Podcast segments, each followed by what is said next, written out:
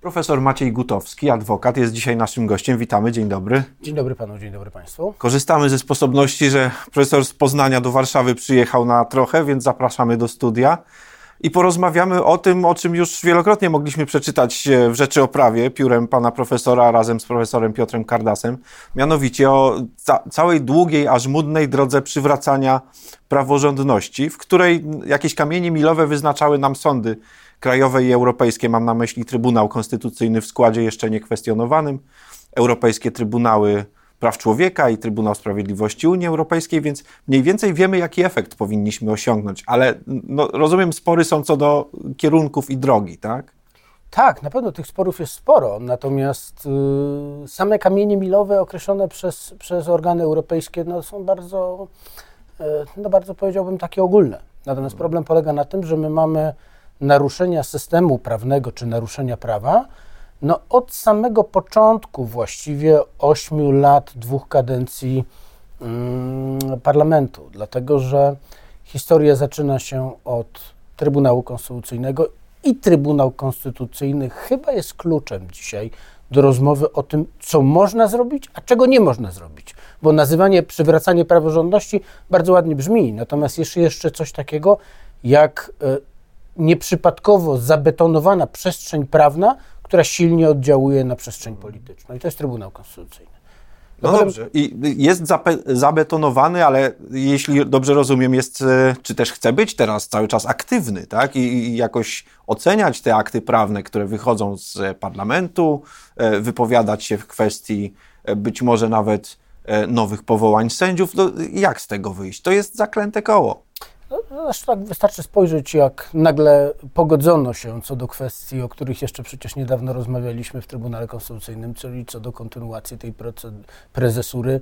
E, Julii Przyłębskiej. Nagle, nagle wszyscy się zgodzili. Nowy wspólny bruk, zas, e, wróg zasypał stare, zasypał stare podziały. To tak? trochę pokazuje to, o czym mówią sądy europejskie, mhm. czyli o to, jak silny jest ten pierwiastek polityczny, e, wpływający na wymiar sprawiedliwości, czyli właśnie to, co jest tym grzechem pierworodnym wspólnym dla wszystkich instytucji, o których będziemy rozmawiać. Bo w Trybunale Konstytucyjnym mamy ten, e, wiadomo, trzech dublerów, to nawet szkoda rozmawiać, tak? No tak. tak zwani dublerzy są Trybunał Konstytucyjny, y, Europejski Trybunał Praw Człowieka, no tak, to jest przesądzone, przesądzone, stwierdzone. Znamy ich z nazwiska, więc jakby... Tak no... jest, szkoda o tym mówić, to nie warto. Natomiast mamy pozostałą część składu Trybunału Konstytucyjnego, no co do których można powiedzieć, po pierwsze, ich powołanie narusza tę regułę konstytucyjną, zgodnie z którą mają oni wyróżniać się e, wiedzą prawniczą, bo oni nie mają wyróżniać się wiedzą prawniczą z tłumu,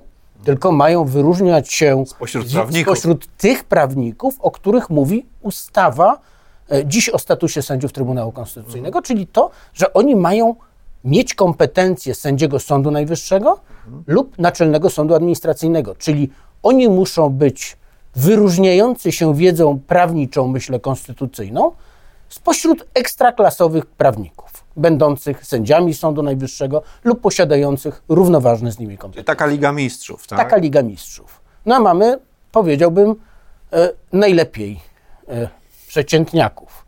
No bo w gruncie rzeczy mamy jakichś sędziów liniowych, mamy jakichś adwokatów liniowych, mamy jakichś doktorów habilitowanych, którzy praktyki prawniczej nie mieli, e, a przynajmniej znaczącej prawni, praktyki prawniczej. Nie ceni pan wysoko ich. E, mamy prokuratorów, którzy, e, no jeden z tych prokuratorów powiedzmy wyżej w strukturach, drugi niżej w strukturach i to w takich strukturach, że szkoda o tym mówić. Mm. No i mamy wreszcie, kogo jeszcze mamy? Jednego profesora nauk prawnych, mm. prawa pracy, to pewnie najwyżej kompetencyjnie spośród tego składu sytuowany prawnik, no ale tak naprawdę to nie ma tam nikogo, kim moglibyśmy powiedzieć, to jest jeden z 15 najlepszych prawników, najlepszych konstytucjonalistów w kraju. Gdyby przyłożyć te kryteria, to możemy powiedzieć, nie spełniono tych wymagań podstawowych. No ale. No dobrze, ale ten organ jest, jakoś pracuje, lepiej, gorzej. I no, jaka jest odpowiedź na pytanie, jak się z nim obchodzić? No, wróćmy do tego, jak zostali wyłonieni e, członkowie tego organu. Mianowicie zostali wyłonieni uchwałami sejmowymi. No tak jak już kilkadziesiąt lat wstecz. Tak jest. No, Sejm uchwały sejmowe, wybiera uchwały Sejm. Sejm wybiera Sejm. Wybiera Sejm. I to z tym- nawet Sejm wybiera, a nie tylko, że Sejm przedstawia prezydentowi, prawda? Sejm wybiera. W związku z tym pytanie, czy takie uchwały sejmowe mógłby kwestionować jakikolwiek sąd y, w naszym kraju? Sądy powszechne? Nie, wiemy, że tu nie ma y, kognicji. No nie. E, Trybunał Konstytucyjny, no być może mógłby kwestionować podstawy prawne wyłonienia. Tak już ale zrobił w 2015, Ale to gdy ocenił, jest- kto jest dublerem, To prawda? nie jest spór o kwalifikacje prawne. Tamten spór został rozstrzygnięty, jak powiedzieliśmy. Tu jest spór o kompetencje, o spełnienie kryteriów ustawowych. I tutaj takiego sądu nie ma. Zresztą, e, skoro zadajemy pytanie o kompetencje e, w szeregach Trybunału Konstytucyjnego, no to nie może o tym rozstrzygać Trybunał Konstytucyjny. Innymi słowy, skoro Sejm naważył piwa, to Sejm musiałby to piwo wypić. I wydaje mi się, że to jest wyłącznie w gestii Sejmu podjęcie uchwał. Jasne, że one nie są wiążące. To, to, to, to jasne, Tak, że Sejm nie może Sejm, tego... Sejm uchwali, że pozbawia mocy prawnej wyboru dokonanego w poprzednich kadencjach, co brzmi, przyznam szczerze, trochę niebezpiecznie, bo to aż, Trochę niebezpieczne. a, aż kusi, żeby robić takie rzeczy również w przyszłości, czego byśmy przecież nie chcieli. Znaczy, jeśli założymy kryteria kompetencyjne, to tych kryteriów kompetencyjnych już trzeba w przyszłości bezwzględnie przestrzegać. No tak. Bo oczywiście odpowiedź będzie, ale w przeszłości też się zdarzały różne przypadki. I tak, zdarzały się. No, ale nie na taką skalę i nie jednak w tak przytłaczającej liczbie. I chyba nie takie. Chyba nie takie. To chyba aż tak nie wyglądało. I wydaje mi się, że to jest do rozważenia, oczywiście, czy Sejm to robi autonomicznie, czy Sejm to robi po na przykład powołaniu komisji śledczej, która w pierwszym kroku badałaby instytucjonalnie. Komisji śledczej, panie Na przykład. Na przykład. No, Jak pan to widzi? no, to musiało być szerzej co do, wymiaru, co do wymiaru sprawiedliwości. Mamy trzy komisje śledcze dzisiaj, można by to rozważyć i w odniesieniu do naruszeń w wymiarze sprawiedliwości. Byłaby do pomyślenia taka komisja śledcza? Myślę, że byłaby do pomyślenia, bo tu nie jest tylko kwestia e, problemu, jak do tego doszło i gdzie są skazy konstytucyjne i prawne, ale też być może kto za to odpowiada. Ja nie wiem, czy warto to robić, czy to jest ta droga, dlatego że ona byłaby bardzo czasochłonna, no i byłaby to par excellence polityczna. Mm, Jak każda komisja, komisja jak, śledcza. każda, jak każda komisja śledcza, a my w gruncie rzeczy mówimy o bardzo poważnej sprawie, bo my mówimy w istocie o nieważności konstytucyjnej. Czyli o czymś, co jest dokonane niezgodnie z regułami, w tym przypadku konstytucyjnymi i ustawowymi, i konsekwencjami, jakie to wywiera dla aktów dokonanych przez Sejm. Czyli aktów na najwyższym szczeblu władzy, bo przecież nie ma chyba wyższego od, od, od parlamentu. No i są to uchwały sejmowe, z których przy zmianie politycznej ocenia mm, jeden y, y, Sejm, ocenia poprzednie, aktę poprzedniego Sejmu, więc to jest rzeczywiście niebezpieczny precedens, ale z drugiej strony, jeśli Trybunał Konstytucyjny w kształcie skrajnie upolitycznionym byłby miał podejmować e, dziś próby no, oceny, ja już nie chcę mówić o ocenie konstytucyjnej, albo to, bo to pogodzenie się, o którym mówiliśmy na początku, jest symptomatyczne, ale e, możemy założyć, że każdy znaczący akt normatywny, który będzie uchwalony e, przez Sejm, może być kwestionowany bardzo łatwo przed Trybunałem Prędzej czy później trafia do pana prezydenta, który przecież może podpisać, może zawetować, ale może też... może wysłać do. Trybunału, e, a po drugie, no przecież grupa posłów też może, więc, może. więc mamy, mamy tę legitymację bardzo szeroką i e, z tym już nic nie można zrobić. Czyli innymi słowy, państwo A może ma, przez... którą- A ustawy nie ma i to nie jest weto prezydenckie, gdzie można szukać szerokiej koalicji, tylko tu mamy prawny mechanizm zatrzymujący, Zamrażarka Przez- przeniesie się od marszałka Sejmu do prezesa Trybunału. Przecież mówimy o Trybunale, który jest gwarantem zgodności z konstytucją aktów normatywnych, czyli mówimy o czymś, co w założeniu miało być najlepszym sądem złożonym z najmądrzejszych ludzi. Co mamy? No mamy co mamy. Przesądziły to Trybunały Europejskie, przesądził to wcześniejszy Trybunał Konstytucyjny w jeszcze niewadliwym składzie. No i to, co mamy, moim zdaniem należałoby od tego zaczynać, żeby, żeby mówić w ogóle o wymiarze sprawiedliwości, bo każda zmiana w obszarze wymiaru sprawiedliwości no, może być zablokowana przez Trybunał Konstytucyjny i pewnie będzie. No, No i i- dalej mamy KRS, prawda? To jest drugi organ, który wymaga y, szybkich i zdecydowanych działań i tu mamy analogiczną sytuację. 15 uchwał, w których wybiera e, parlament przedstawicieli y, sędziowskich, sędziowskich co jest najbardziej kwestionowane. No, co, jest, co, jest, co jest fatalne. Znaczy, to wybrzmiało w orzecznictwie tak dużo razy, że trudno to no, powtarzać. Nie ma, nie ma sensu tego powtarzać. Ale efekt jest mniej więcej podobny. Trzeba sobie odpowiedzieć na pytanie, czy mamy w tym przypadku do czynienia z nieważnością konstytucyjną, czy nie. I tutaj te naruszenia są dość twarde, bo wiadomo, że E, jeśli samorząd uczniowski mają wybierać nauczyciele, no to, to jaki samorząd? I tutaj tak A, samo, prawda? Do, do, dobry, e, spektakularny taki przykład. Ale powiedzmy dwa słowa, panie profesorze, o tej nieważności konstytucyjnej. Rozwińmy to pojęcie i wyjaśnijmy naszym widzom, być może nie tak dobrze zorientowanym, E, co to właściwie oznacza w praktyce? E, właściwie nieważność konstytucyjna to jest twór, który musiałby rozpoczynać się od nieważności. I krótko mówiąc, nie da się ręką strzelić bramki w piłce nożnej, chociaż Maradona to zrobił. No, Ale potem wprowadzono war. Wszystko przez tych sędziów, panie profesorze. No.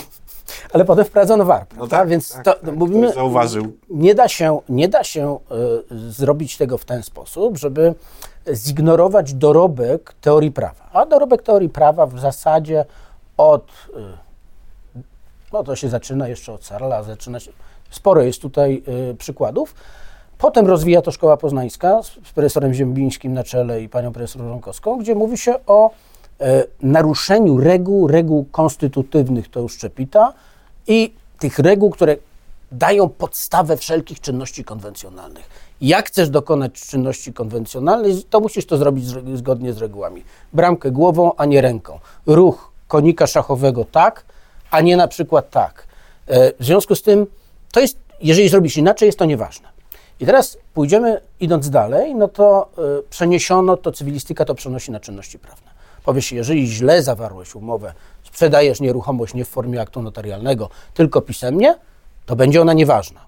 I to samo trzeba odnieść wyżej, z tym, że z pewnym filtrem. Jeżeli dokonujesz jakiegoś aktu o znaczeniu konstytucyjnym i ten akt dokonany jest niezgodnie z konstytucją, to ten akt może być nieważny. To nie znaczy, że on zawsze jest nieważny, mhm. bo te naruszenia są stopniowalne, one podlegają konstytucyjnej zasadzie e, proporcjonalności e, z artykułu 31 ust. 2 Konstytucji. To trzeba wszystko oceniać, czy w danym przypadku można mówić już o konstytucyjnej nieważności, czy jeszcze nie. I to jest oczywiście ten kłopot, czy Sejm może to ocenić. To jest właśnie, bo kłopot polega na tym, kto może to stwierdzić. Ja przypominam sobie, przyznam, przeprowadziłem kiedyś taką nieoficjalną rozmowę z, jedno, rozmowę z jedną z osób, która orzeka teraz jako sędzia w Sądzie Najwyższym, e, chyba już nawet nie w Nowej Izbie, tylko w Izbie Cywilnej.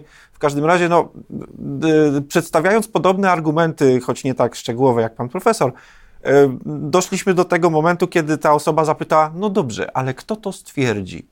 i w tym upatrywała swoje bezpieczeństwo y, własnego statusu. Ja mogę powiedzieć inaczej. E, ja wiem, kto tego nie może stwierdzić i drogą eliminacji dojdę do Sejmu. Aha. Bo nie mam w naszym systemie sądu, który mógłby tę nieważność ocenić. No Skoro przyjęto, że mamy katalog zamknięty aktów badanych przez Trybunał Konstytucyjny, a tam nie ma uchwał sejmowych, skoro wiemy, że sądy najwyższe Sąd Najwyższy i Naczelny Sąd Administracyjny badają pewne sprawy im przynależne i żadne inne. I skoro wiemy, że powiedziano nam to bardzo wyraźnie, aktu prezydenckiego e, ślubowania czy przyrzeczenia nie bada nikt w żadnym trybie, bo to jest prerogatywa prezydencka. Tak w związku z tym trzeba zadać sobie pytanie, czy zatem możemy przyjąć, że uchwały sejmowe istnieją e, w naszym systemie prawnym tak, że one w ogóle nie mogą być kwestionowane i wybieramy śladem Kaliguli incitatusa do jakiegoś organu i mówimy, no trudno, będzie nam koń biegał po Senacie. No, skoro pan prezydent bo, no, bo, no, bo, no bo tak się wydarzyło. No i musimy powiedzieć, chyba jednak nie. Prezydent to nie jest średniowieczny władca, czy jeszcze starożytny, prawda, który powie, e, ja dotykam przysięgą i w związku z czym odczarowuję wszystko, co wydarzyło się wcześniej. Tak chyba nie jest. Chyba jednak te akty konwencjonalne po drodze muszą, muszą podlegać regułom konstytucyjnym. A skoro nie ma innego organu, który mógłby to uczynić, e, no to może to uczynić chyba tylko ten organ, który piwa naważył, czyli wracamy do Sejmu. Ja nie twierdzę, że to jest dobre rozwiązanie. Dobre rozwiązanie to jest wtedy, kiedy posłowie zachowują się w sposób poważny i nie przepychają na siłę E, tego, co jest im w danym momencie politycznie wygodne, do trybunałów. Do trybunałów, bo przecież to nie tylko Trybunał Konstytucyjny, my to widzimy wszędzie. I niestety mm, działania większości parlamentarnej od lat nie napawają w tym zakresie optymizmem. Ech, i tak będą wyglądać nasze najbliższe dwa, może nawet trzy lata przepychanek i prac politycznych z wysiłkami, by to wszystko utrzymać w jakichś sensownych, konstytucyjnych ryzach. Tak, tylko jeśli nie rozwiążemy problemu Trybunału Konstytucyjnego i tej nowej KRS, to zostaniemy z tymi problemami na lata, bo od tych mechanizmów trzeba zacząć, jeśli chcemy myśleć o naprawie, a już o naprawie nawet nie mamy czasu chyba rozmawiać, bo to jest potem długa i żmudna droga, której dzisiaj na pewno nie przejdziemy. Może uda nam się kiedyś jakiś dwugodzinny podcast, to jest szansa na szersze potraktowanie zagadnień, które zasługują na więcej uwagi bez wątpienia. Profesor Maciej Gutowski, adwokat, był naszym gościem. Dziękujemy za to spotkanie. Bardzo dziękuję.